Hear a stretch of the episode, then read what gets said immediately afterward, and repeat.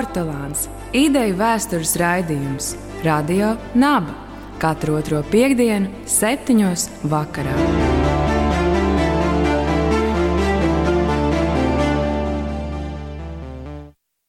Labvakar!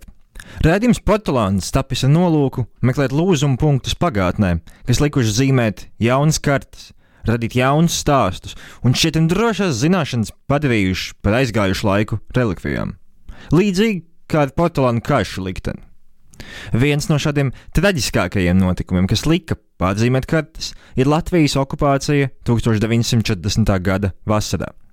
Domājot par to, šovakar kā tieši turpinājums Portugāna pirmajai sarunai par Ulmaņa režīma beidzamajām dienām, ir mūsu šī vakara jautājums. Kā tika radīts Latvijas PSR sākotnes mīts? Studijā Rudolf Vītoliņš Mikus Solovejs. Un šī vakara viesņa, kuras pētniecības fokus ir padomju režīma atstātā ietekme uz Latvijas sabiedrību - vēsturniece Daina Blējere. Labvakar! Labvakar! Domājot par tiem pārkārtojumiem, kas tika veikti, sekojot 40. gada notikumiem, vai ideoloģiskajā kontekstā mēs varam runāt, ka tiek radīts kāds stāsts vai stāsti, ko varētu kopumā dēvēt par Latvijas PSR sākotnes mītu. Bez šaubām, jo tas pat bija ļoti svarīgi un nepieciešami no padomju ideoloģijas viedokļa, arī no tā viedokļa, lai attaisnotu padomju okupāciju kā starptautiski, tā arī iekšpolitiski, lai radītu nu, Latvijas iedzīvotājos arī pārliecību par to, ka tas, kas ir noticis, ir bijis vēsturisku procesu rezultāts. Tas bija likumsakarīgi un tas ir neatgriezeniski. Un, eh, taču šis mīts, eh, varētu teikt, mīts par sociālistisko revolūciju 1940. gadā, tas tika radīts samērā ilgā laika posmā. Tas neradās tā uzreiz. Bet Jūs varat iezīmēt šī mīta, tos pieturas punktus, šī stāsta pieturas punktus. Kāds nu, tika narratīvs veidots? Pieturas punkts faktiski ir saistīts ar to, kas notika 1940. gada jūnijā un jūlijā, kad principā sākotnēji jau e, padomju, e, padomju okupācijas varas e, tā pamata ideja bija tā, ka panākt, lai ir viss absolūti mierīgi. Notiek demokrā, varas maiņa demokrātiskā ceļā. Saimas atjaunošana, konstitūcijas atjaunošana, cietīs tikai plutokrāti, ul, ulmaņa režīma, respektīvi kor, korumpēti ulmaņa režīma teiksim, cilvēki, bet, bet principā tiks atjaunota demokrātija, neatkarīgā Latvija pas, turpina pastāvēt un tam līdzīgi. Latvijas republika turpina pastāvēt. Uh, un, uh, bet, kā mēs zinām, tad 21. Eh, jūlijā tika pieņemta jauns sasauktā saima pieņēma rezu, lēmumu par, par padomju varas nodibināšanu Latvijā, pēc tam pieņēma lēmumu par, par to, ka, ka vēlās iestāties padomju savienībā. Un līdz ar to faktiski šis teiksim, tāds, tāds mierīgās, evolucionārās, demokrātiskās attīstības um, nu, narratīva, ja varētu teikt, tā tika nomainīta ar to, ka ir, uh, nu, ir, noticis, jā, ir noticis apvērsums, un šis apvērsums kaut kādā veidā bija jāpamato. Kā tas ir noticis? Jāatzīmē tas, ka tas, ka ir notikusi okupācija, tas bija skaidrs visiem jau no pirmās dienas, un vispār tas bija tāds vispār izplatīts uzskats. Un, un ar šo uzskatu nācās cīnīties. Uh, bet uh, šī cīņa nesākās. Uh, nesākās uzreiz, tā noritēja pakāpeniski. Uh, principā, uh, ja, ja sākumā, piemēram, priekšplānā tika izvirzīta sarkanās armijas loma, jo sarkanā armija tā ir bijusi, kas tautas masām ir ļāvusi gāzt pastāvošo iekārtu un, un, un, un pieprasīt iestāšanos Padomju Savienībā, uh, tad Uh, un, un, un ir uh, bijušo valdošo šķiru pretestība ir neutralizējusi, tad beigu beigās, e, nu, bet tas atkal bija diezgan nērti, jo tas radīja iespaidu par to, ka nu, tad okupācija tomēr ir bijusi. Tātad vispirms bija okupācija un tad bija revolūcija. Tā, tā drusku tā, tā pretrunīgi. Ja. Gala rezultātā sarkanā armija pamazām propagandā, ja mēs palasām avīzes, teiksim, 1240. 41. gadā ko jebkurš var izdarīt, teiksim, periodikā LV. Mēs redzam, ka pamazām, pamazām jautājums par sarkanu armiju tiek atbīdīts kaut kur otrajā plānā. Sarkana armija it kā pazūda. Ja no sākuma viņi tur dominē ļoti izteikti, un vēlāk viņi pazūd. Sākotnē, sākotnēji varēja iziet cauri skaidrojums, ka, piemēram, ir mēģināts aizturēt nacistu ekspansiju. Bet vēlāk bija nu, jau jāmeklē skaidrojums pēc iespējas ātrāk šai te Uh, Darba ļaužu varas pārņemšanas procesam? Nu, Pirmkārt, darba ļaužu varas pārņemšanas process, tas ir revolūcija, ir, ir pamats tam visam, vispārējie apsvērumi, kas, starp citu, tas bija vairāk tāda nu, propaganda, kur izmantoja 1940. gadā par to, ka jā, lūk, visa pasaule, visa Eiropa liesmo karā, bet mums te ir padomi, padomi armija, mums nodrošina mierīgu dzīvi un tam līdzīgi. Nu, mēs zinām, karš tad notika, ja, un, un, un, un bija tā, kā bija ar to mierīgo dzīvi. Šis arguments vairs pārāk lielu lomu nespēlēja. Bet sociālistiskā revolūcija tas bija kaut kas tāds, kas vienkārši nu, ietilpa padomju visā ideoloģiskajā sistēmā. Tas bija, nu, Tas vienkārši nu, tas, tas bija pamatā, tas bija tas galvenais mīts, jeb galvenā narratīva. Viss pārējais bija te pakārtots. Bet šī stāsta autori Rīgā vai Maskavā bija? Es domāju, ka tas, kolekt, tas bija faktiski tāds kolektīva kolektīvas jaunradas produkts. Sadarbojās kā politiskā vara, tā arī nu, šīs specifiskie vēstures zinātnes pārstāvji. Jāņem vērā tas, ka principā ne jau katrs varēja nodarboties ar šīm problēmām, un ne katrs varēja izvirzīt šīs koncepcijas. Tad arī, arī bija jāsasniedz zināms stāvoklis, ja, lai, lai varētu uh, varētu iesaistīties. Bija zināma, teiksim, nu, politisks mandāts jāsaņem, lai varētu iesaistīties šīs problēmas risināšanā. Bet te arī ieskanējās šie, te, nu, piemēram, vēsturnieku un zinātnes loma režīma apkalpošanā. Un man šķiet, ka šī tēma mūs jau noved pie tēmas par uh, kolaborāciju. Un vai jūs varētu varbūt sākumā šo, defin, šo jēdzienu uh, piefiksēt eh, Latvijas vēstures kontekstā, jo es pieņemu, ka kolaborācija 40. gadā būtiski varētu atšķirties no kolaborācijas 80. gados. Nu, kolaborācija vispār ir ļoti uh, sarežģīts no vienas puses, no otras puses tas ir ļoti politizēts jēdziens. To ir grūti definēt, nu, kā tāda zinātniskos terminos. Jo kolaborācija jau pati par sevi vienmēr ir teiksim, tas negatīvā attieksme kolabor, kolaborēt ir slikti, kolaborants ir slikts. Ja? Tā tad ir melnā un baltā cīņa. Ir kolaboranti vienā pusē, otrā pusē ir tie, kas pretojās. Pa vidu nekā nav. Kā mēs zinām, tad jebkurās teiksim, pārmaiņās vienmēr e, kolaborantu ir krietni vairāk nekā to, kas pretojās.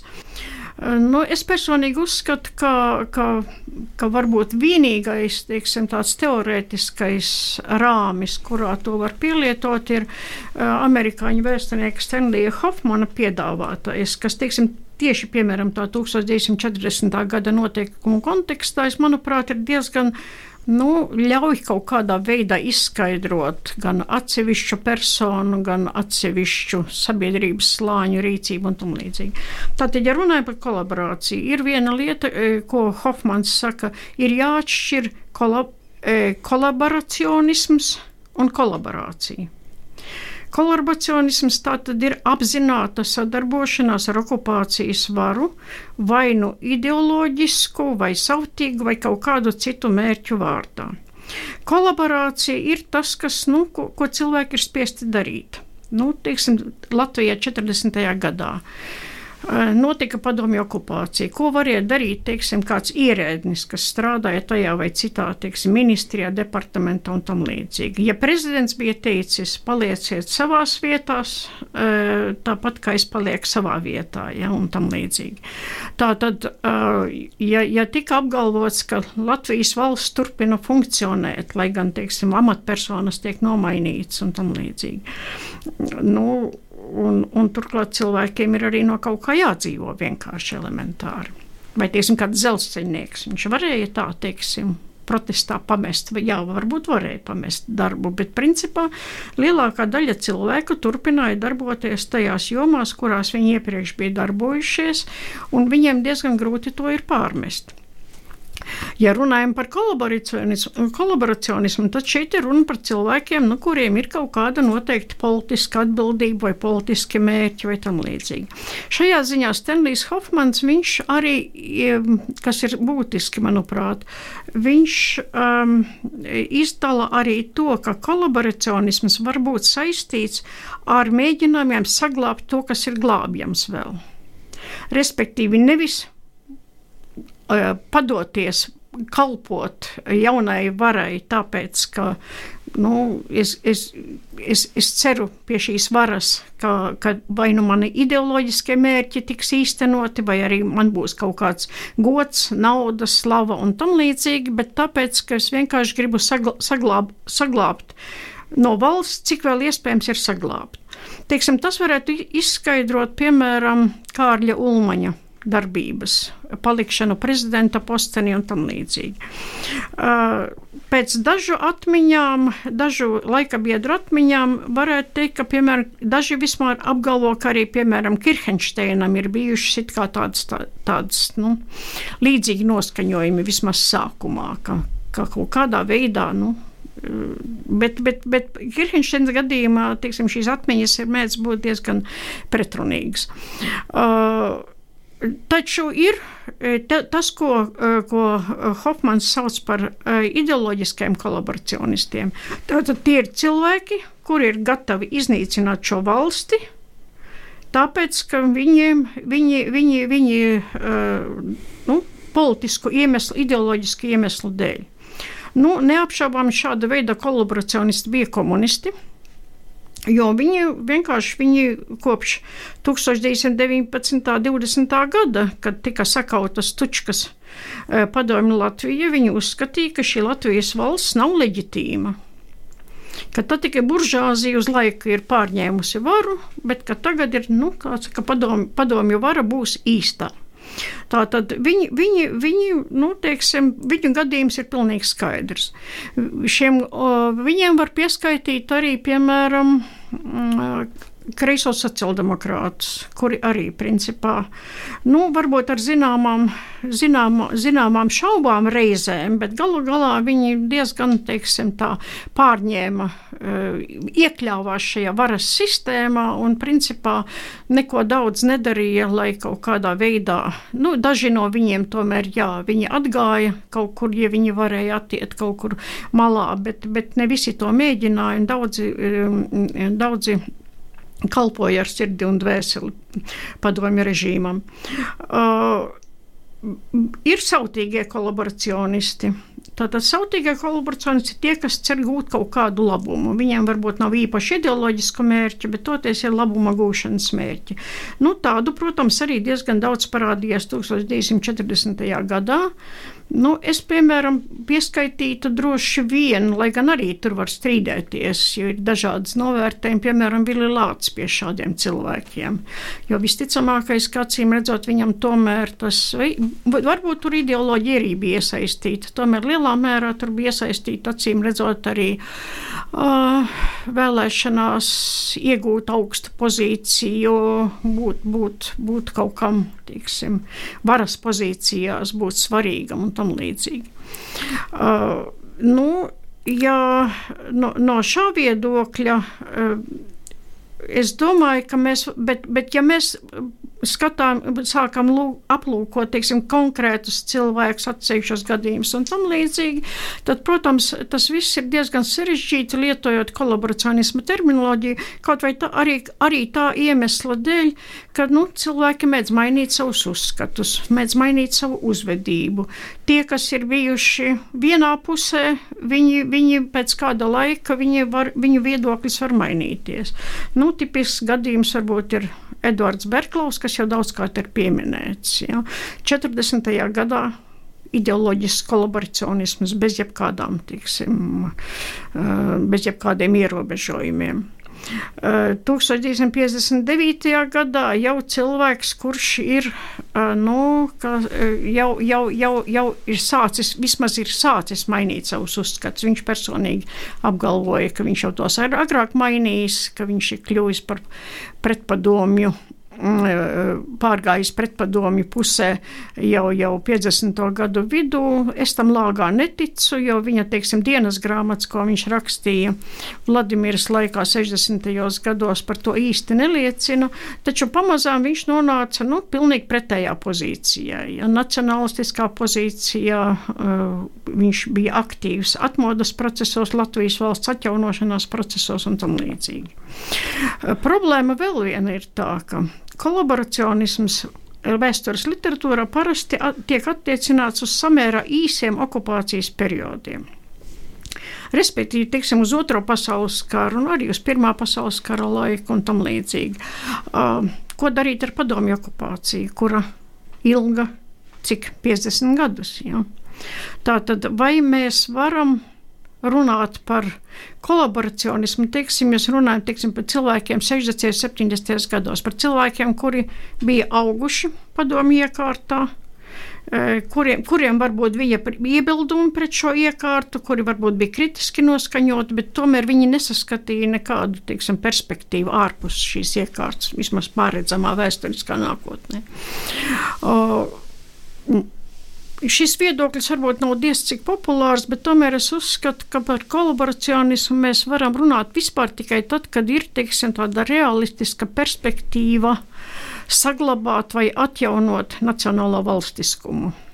Respektīvi, Latvijas gadījumā mēs varam par to runāt sākot ar atmodas laiku, kad jau cilvēkiem bija jāizvēlās skaidri sava pozīcija, kur, kurā pusē viņi stāv. Un tad mēs arī diezgan skaidri arī redzam, ja, teiksim, tos, kas e, bija konsekventi pret Latvijas neatkarību, ja, teiksim, piemēram, tādi kā Rubika kompartijas vadība un pārstāvji, un arī ierindas biedri, protams.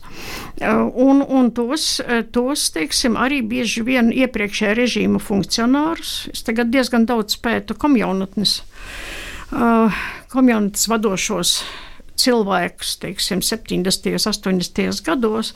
Tas ir ļoti interesanti, cik daudz teiksim, pazīstamu gan atmodas laika darbinieku, gan viņu pretinieku viņu vidū mēs sastopam. Un, un, nu, tad ir, bija, cilvēkiem bija jāizlemj, vai viņi ir par Latvijas valsts atjaunošanu, vai viņi ir, ir pret to. Lūk, tad jau mēs diezgan skaidri varam nos, no, izšķirt, kuri ir kol kolaboracionisti un kurus mēs par tādiem īsti nevaram saukt. Bet, ja runājam teiksim, par 60, 70 gadiem, man, man šķiet, tas ir, tur mums ir jāmēģina atrast kaut kādu varbūt citu terminoloģiju un citādāk skatīties uz šo jautājumu. Jo tas vienmēr ieved tādā zināmā strupceļā. Jā, mēs varam teikt, jā, lūk, slikti, viņš tur darīja to un to, un viņš tur teica. Nu, teiksim, es nesen arī lasīju runu, teiksim, viens arī tagad vēl samērā pazīstams cilvēks, ja, teiksim, ko viņš teica komjotnes kongresā 70. kurā tur gadā. Ja.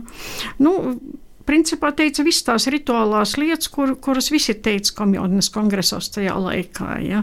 Uh, ko viņš domāja, kā viņš domāja un, un, un kā viņš saskatīja um, savas attiecības. Un vai viņš vispār domāja par, par uh, Latvijas neatkarības atgūšanas iespējām un tam līdzīgi mums ir grūti spriest šodien. Bet kādā rakstā šai kolaboracionismu tēmai jūs citējat britu vēsturnieku Julianu Džeksonu, proti, ka kolaboracionisms kļūst par individuālu fanātismu, naivitātes, oportunismu un avantūrismu stāstu virkni. Man šķiet, ka jūs ieskicējāt visas šīs grupas, izņemot šo naivitāti. Kā Jā, to? nu, bet nu, naivitāte jau arī izpaužās nu, tādā. Ja runājam par ideoloģisko kolaboracionismu, tad bez šaubām šī naivitāte ļoti stipri izpaužās. Nu, nu, starp citu, nu, nu, pat nesen ir iznākusi grāmata par Montokromu. Ja? Par dzīvnieci Montokromu. Nu, viņa arī 40. gadā nai, naiva naiva jauniete, kura ticēja visām šīm sociālisma idejām, tam, ka, ka, nu, ka jaunu un taisnīgāku pasauli celsim un tam līdzīgi. Tam noticēja daudzi.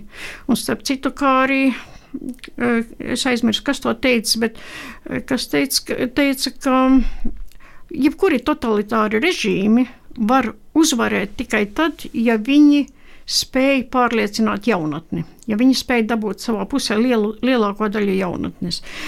Padomju režīmu šaubām šādas spējas piemita, un 40. gadā arī ļoti daudz bija nu, komjaunieši un, un, un tam līdzīgi, kas, nu, var, varbūt viņi nebija, vairāk, viņi nebija vairākums nekādā ziņā. Viņi, ja mēs paskatāmies arī skaitļus par komjaunatni un, un arī pēckara gados tam līdzīgi, nevar teikt, ka tas bija vairākums, bet bija pietiekami daudzi, daudzi kuri uz to visu pavilkās. Jā, pēc tam viņi varbūt mainīja savu viedokli. Un, un, nu, tāpat kā arī Montakroma, teiksim, daudzajādi.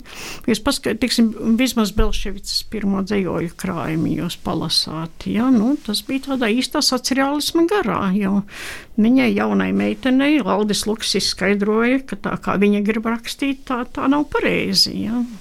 Padomu padom dzīvniekam jādzīvo citādāk. Bet vai, piemēram, var apgalvot, eh, ka Ulmaņa režīma īstenotā informācijas politika kaut kādā mērā veicināja to, ka cilvēki dzīvoja naivās ilūzijās par režīmu kaimiņos? Nu, godīgi runājot, man ir aizdomas, ka tie, kas gribēja zināt, tie arī zināja. Tas, tas ir tas jautājums, kas varbūt tagad uh, saistībā ar Ukrainas karu un tam līdzīgi visu laiku izvirzās par to, vai patiešām propaganda ir tik ļoti spēcīga, eh, vai tā spēj tik ļoti ietekmēt cilvēka prātus, vai arī cilvēki drīzāk izvēlās ticēt tam, kam viņi grib ticēt. Katrā ziņā es domāju, ka 20. un 30. gadu Latvijā vēl bija, bija diezgan daudz ilūzijas, kas bija saglabājušās no uh, no eh, Krievijas revolūcijas un pilsoņu kara gadiem daudziem par to, ka likās, ka padomju savienība, un kas tas bija ne tikai Latvijā, tas jau bija, teiksim, arī daudz kur citās zemēs, bija tās ilūzijas 20. un 30. gados, ka padomju savienībā patiešām ir kaut kāda taisnīgāka un labāka iekārta, un visas tās runas par represijām un tam līdzīgi, tas ir, nu tā, nu jā, tur saka, nu jā, tos buržujus tur represē, nu, bet tā jau arī vajag, jā.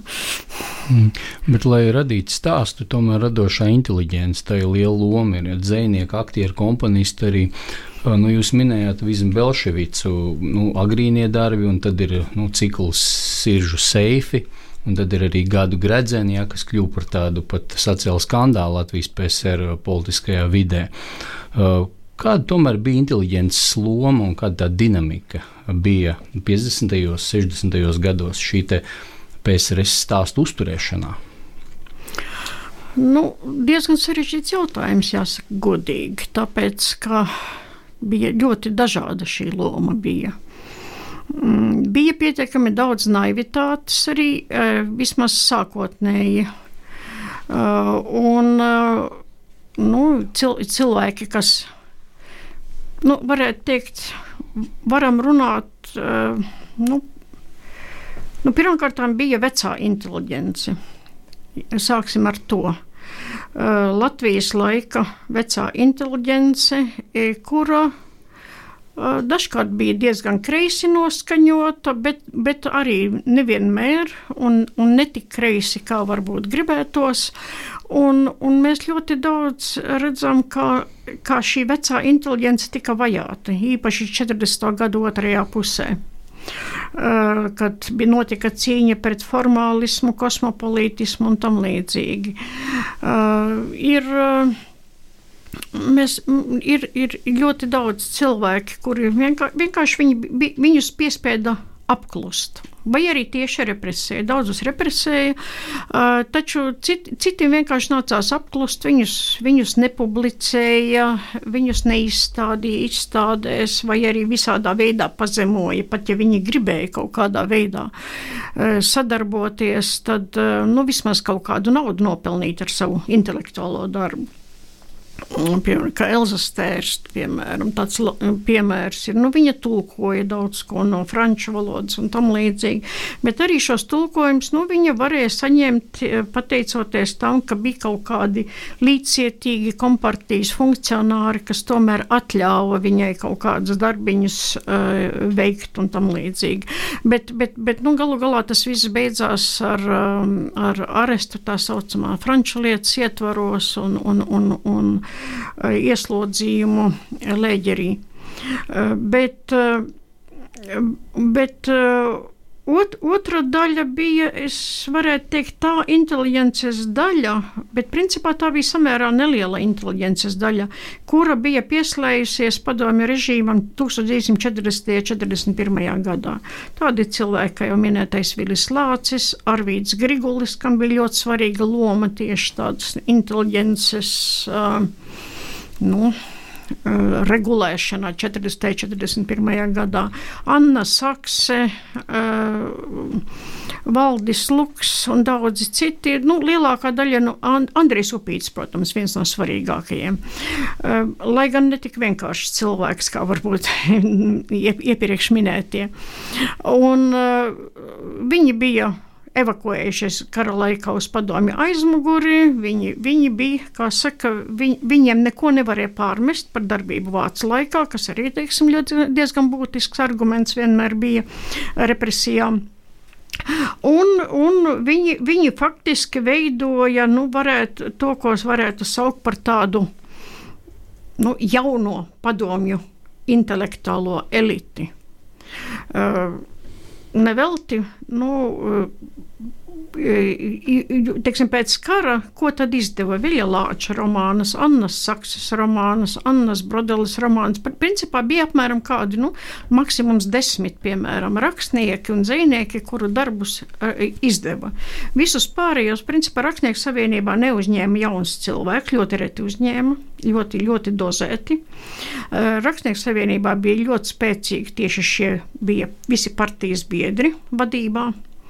Atšķirībā teiksim, no Mākslinieku savienības un citām savienībām, kurās tomēr šī partijas slānis bija mazāks, līdz ar to tas diezgan būtiski ietekmēja arī noskaņojumu un, un attieksmi pret lietām šajās savienībās. Uh, un bija jaunā paudze, tie, kas ienāca um, literatūrā, 40. gadu beigās, 50. gadu sākumā arī mākslā jaunie mākslinieki, kas diezgan būtiski. 50. gados jaunajiem māksliniekiem bija ļoti būtiska loma teiksim, tādā kultūras liberalizācijā. Uh, Kurš jūs minējat? Uh, Iltners. Uh, Zariņš, Nu, arī daudz citi. Biruta Baumane, teiksim, varbūt tas ļoti tipiski ir Biruta Baumane tieši tādēļ, ka viņa nu, principā ļoti nepolitizēta. Ja, jo tas arī rādīja jaunu tendenci, ka cilvēks, kurš necenšas kaut kādā veidā sevi piesaistīt ideoloģiski un politiski sistēmai, arī varēja šajā sistēmā jau diezgan brīvi darboties un, uh, un gūt atzinību. Uh, literatūrā nu, varbūt drusku vecāks un ātrāk sāka Ojārs Vācietis, Visma Belševics, Imants Ziedonis, Imants Auziņš. Un jau drusku jaunāka paudze, kas vēl nepaspēja vēl īsti izpausties, Knuts Skujenieks un citi. Un, un tie jau bija cilvēki, kuri jau bija auguši padomju apstākļos, kuri daži no viņiem, tā kā Ojārs Vācietis vai Visma Belševica, bija izjutuši zināmas, teiksim, tādas propadomiskas ilūzijas kādu laiku. Uh, citi varbūt bija, nu, šu, viņu uzvedības šīs um, trajektorijas, šīs paudzes uzvedības trajektorijas ļoti dažādas. To ir, teiksim, tāda ir pat ļoti bieži tas parādās. Tieksim, kaut kad 40. gados negatīvi noskaņot padomju varu, kā skolnieki protestē kaut kāds, tieksim, tāds izsaka savu neapmierinātību. Un skaties, pēc desmit gadiem jau cilvēks ir gluži, tieksim, iekļāvies sistēmā un, un darbojās šīs sistēmas iet, iet, ietvaros gluži veiksmīgi. Bet, bet, protams, to veicināja arī tas, ka e, pēc Staļina nāvis notika sistēmas liberalizācija un parādījās jau nišas, kurās varēja darboties, kurās varēja nu, no šīs sistēmas kaut kādā veidā izrauties. Staļina laikā šāda iespēja praktiski nebija. Bija. Un arī, arī šajā laikā nedaudz atgriežas vecie e, dzinieki, rakstnieki, mākslinieki, tādi kā tā pati Elza Stērste un, un citi. E, tomēr dot, viņiem tiek dota iespēja nu, kaut, kaut, kaut cik uzelpot. E, bet, Un, nu, ir, var, var, protams, pārmest daudziem jaunības ilūzijas.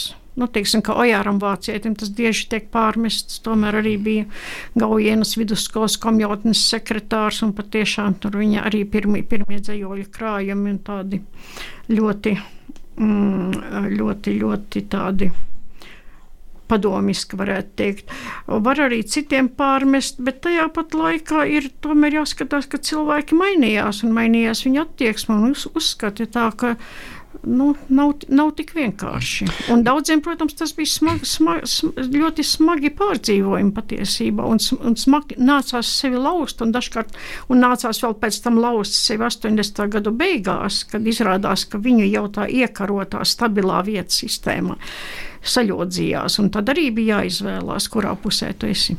Nu, jā, es klausos un domāju par jūsu teikto pirms brīža par to nodevu režīmam ar tiem zināmajiem rituāliem. Ja, tad, kad mēs runājam par kolaboracionismu un 60. un 70. gadi, jā, tad jautājums, kur ir tas robežs, tie rituāli saucamie, jo, piemēram, 1985. gads dziesmu sāk noslēguma koncerts un dziesma Ļeņinam. Uh, Imants Kalniņš un Imants Ziedonis. Nu, starp citu, ja es pareizi atceros, tad Imants Ziedonis arī pēc šiem dziesmu svētkiem uzrakstīja rakstu literatūrā un mākslā, kurā vispār nosodīja to militarizāciju, kas tur izpaudās šajos dziesmu svētkos un vispār repertuāra politika un tam līdzīgi. Nu, tā pietiekami uzmanīgi, bet tomēr. 85. Mm, gadā jau šis tas sāka mainīties arī. Jā, nu, tur, tur ir tā smagā problēma. Ja, ka, uh, ja, bija cilvēki, kuri izvēlējās maksāt zināmas nodevas režīmam, lai nodrošinātu nu, radošo brīvību citos jautājumos. Bija cilvēki, kas izvēlējās to nedarīt. Ja?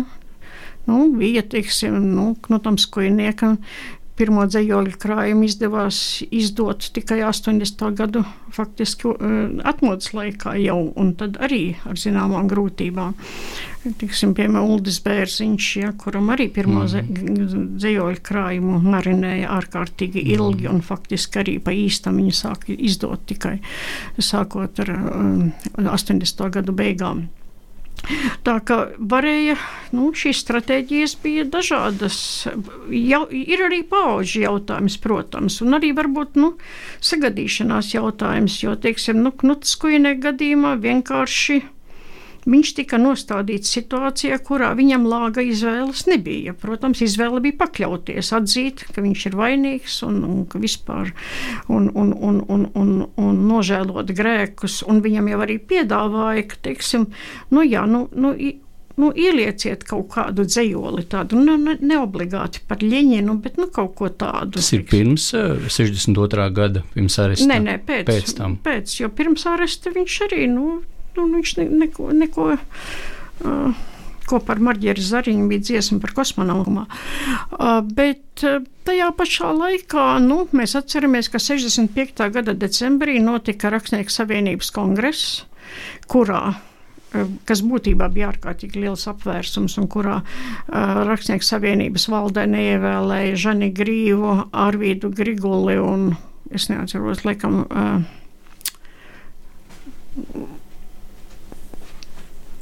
aizmirst vēl kurus. Bet, nu, katrā ziņā tos lielākos reakcionārus katrā ziņā neievēlēja, tas, bū, nu, bija, tas, bija, tas bija drausmīgs, saka, sašutums bija, un saka, ka Žanis Grības tur pārmets e, valdim Luksam par to, ka viņš pie tā viss ir vainīgs, jo viņš ir bijis tas, kas tos jaunos tur ir e, pieļāvis, ka jaunie masveidā tiek uzņemti rakstnieku savienībā 60, 50, 50. gadu beigās, 60. gadu sākumā, un galu galā tad viņi nu, sāka veidot vairākumu, ja viņi varēja sākt pārņemt varu. Ja runā par Knutu Skujnieku, tad arī Rakstnieku savienība patiesībā viņu visādā veidā centās atbalstīt ieslodzījumu laikā. Viņa, viņa nu, vismaz dzējas sekcija apsprieda viņa dzējojus, kas patiesībā bija diezgan neparasts gadījums, ka cilvēki, kas ir notiesāts par politisku noziegumu, ka Rakstnieku savienības dzējas sekcija apspriež un dod pozitīvu slēdzienu par, par viņa ieslodzījumā starp citu rakstītajiem dzējoļiem. E, tā kā e, Ja mēs paskatāmies, piemēram, kad bija 67. un 68. gads, kad Vizma Belševicu par gadu gredzeniem slānīja um, Rakstnieku savienības partijas komiteja, tomēr partijas pirmorganizācijas atvainojās. Partijas pirmorganizācija tomēr tā, nu, izvairījās no teiksim, kaut kāda tāda nosodījuma izteikšanas, un kas galu galā, es domāju, tam bija diezgan nopietna ietekme uz to, ka pret Viesmu Belševicu netika pieņemti tādi nopietnāki e, pasākumi, netika veikti. Tas arī talantu mērogs. Jo nu, Vizma Belševics, Knuts Skojnieks. Nu. Jā, bet nu, no otras puses, nu, Staļina laikā tam nebūtu bijis nekāds nozīmes. Mm. Jo, jo, jo tā talantīgāks, jo sliktāk principā ir. Jo tas laiki bija mainījušies tādā ziņā, ka nu, vairs nevarēja tik ļoti. Nu, nu, cilvēki apzinājās, ka viņi rīkoja, ka viņi, ja viņi darīs to un to, tad viņi rīkosies slikti, un, un, un, un ka viņu, viņu karma tiks stipri pasliktināsies šajā ziņā. Ja? Tā ka, nu, jā, nevienmēr bija, šī rīcība bija tieša, bija ļoti daudz laipošanas un arī meslu maksāšanas dažāda veida, lai tomēr kaut kādā veidā Un, un arī, protams, ne, nevienmēr izdevās veiksmīgi izlaipot visā šajā situācijā. Daudziem tomēr nāca, nu, galu galā, daudzi varbūt arī iebrida ne tur, kur viņi gribēja iebrist, bet, nu, nu diemžēl tāda bija tā padomju dzīve. Mēs esam ieskicējuši dažādu jomu cilvēkus, kas producē dažādu stāstus, dažādu iemeslu dēļ, un varbūt pašā sarunas noslēgumā Ko jūs redzat šī brīža mēdīju telpā?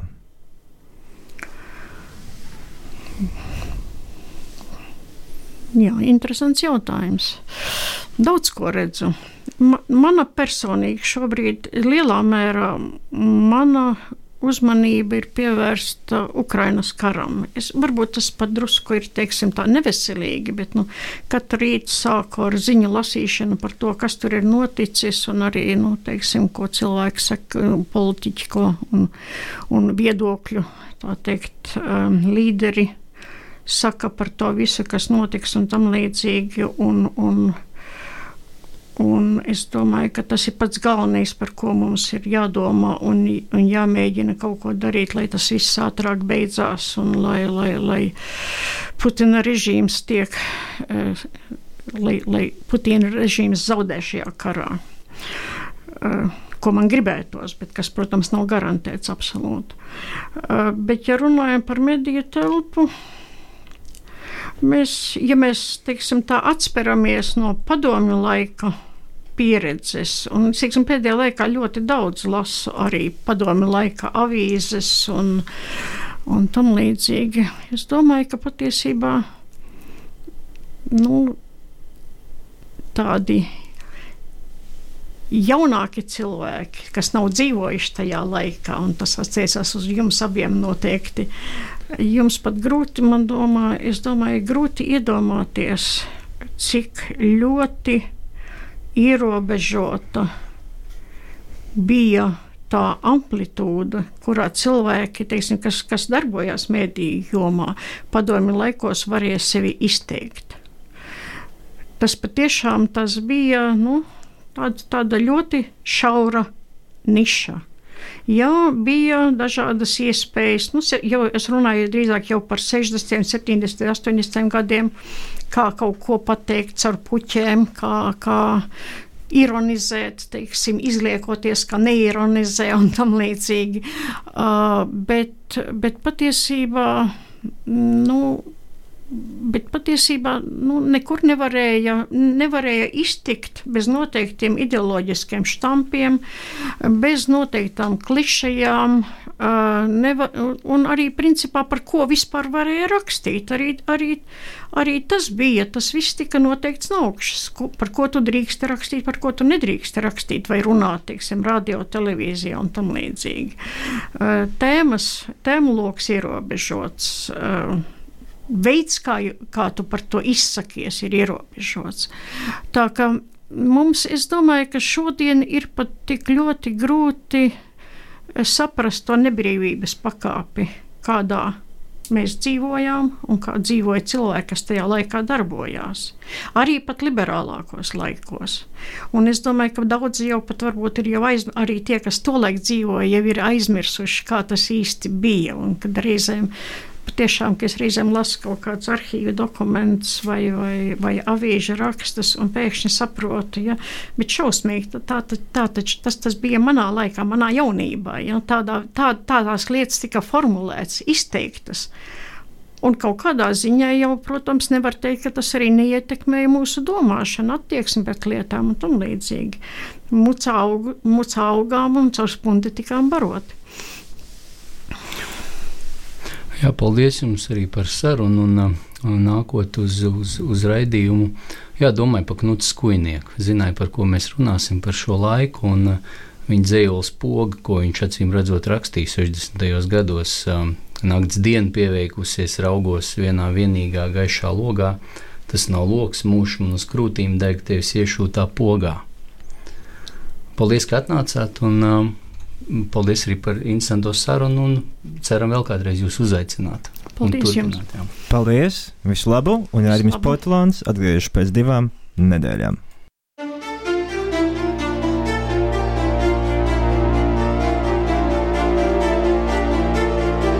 Portugāns - ideju vēstures raidījums Radio Naba katru otro piekdienu, septiņos vakarā.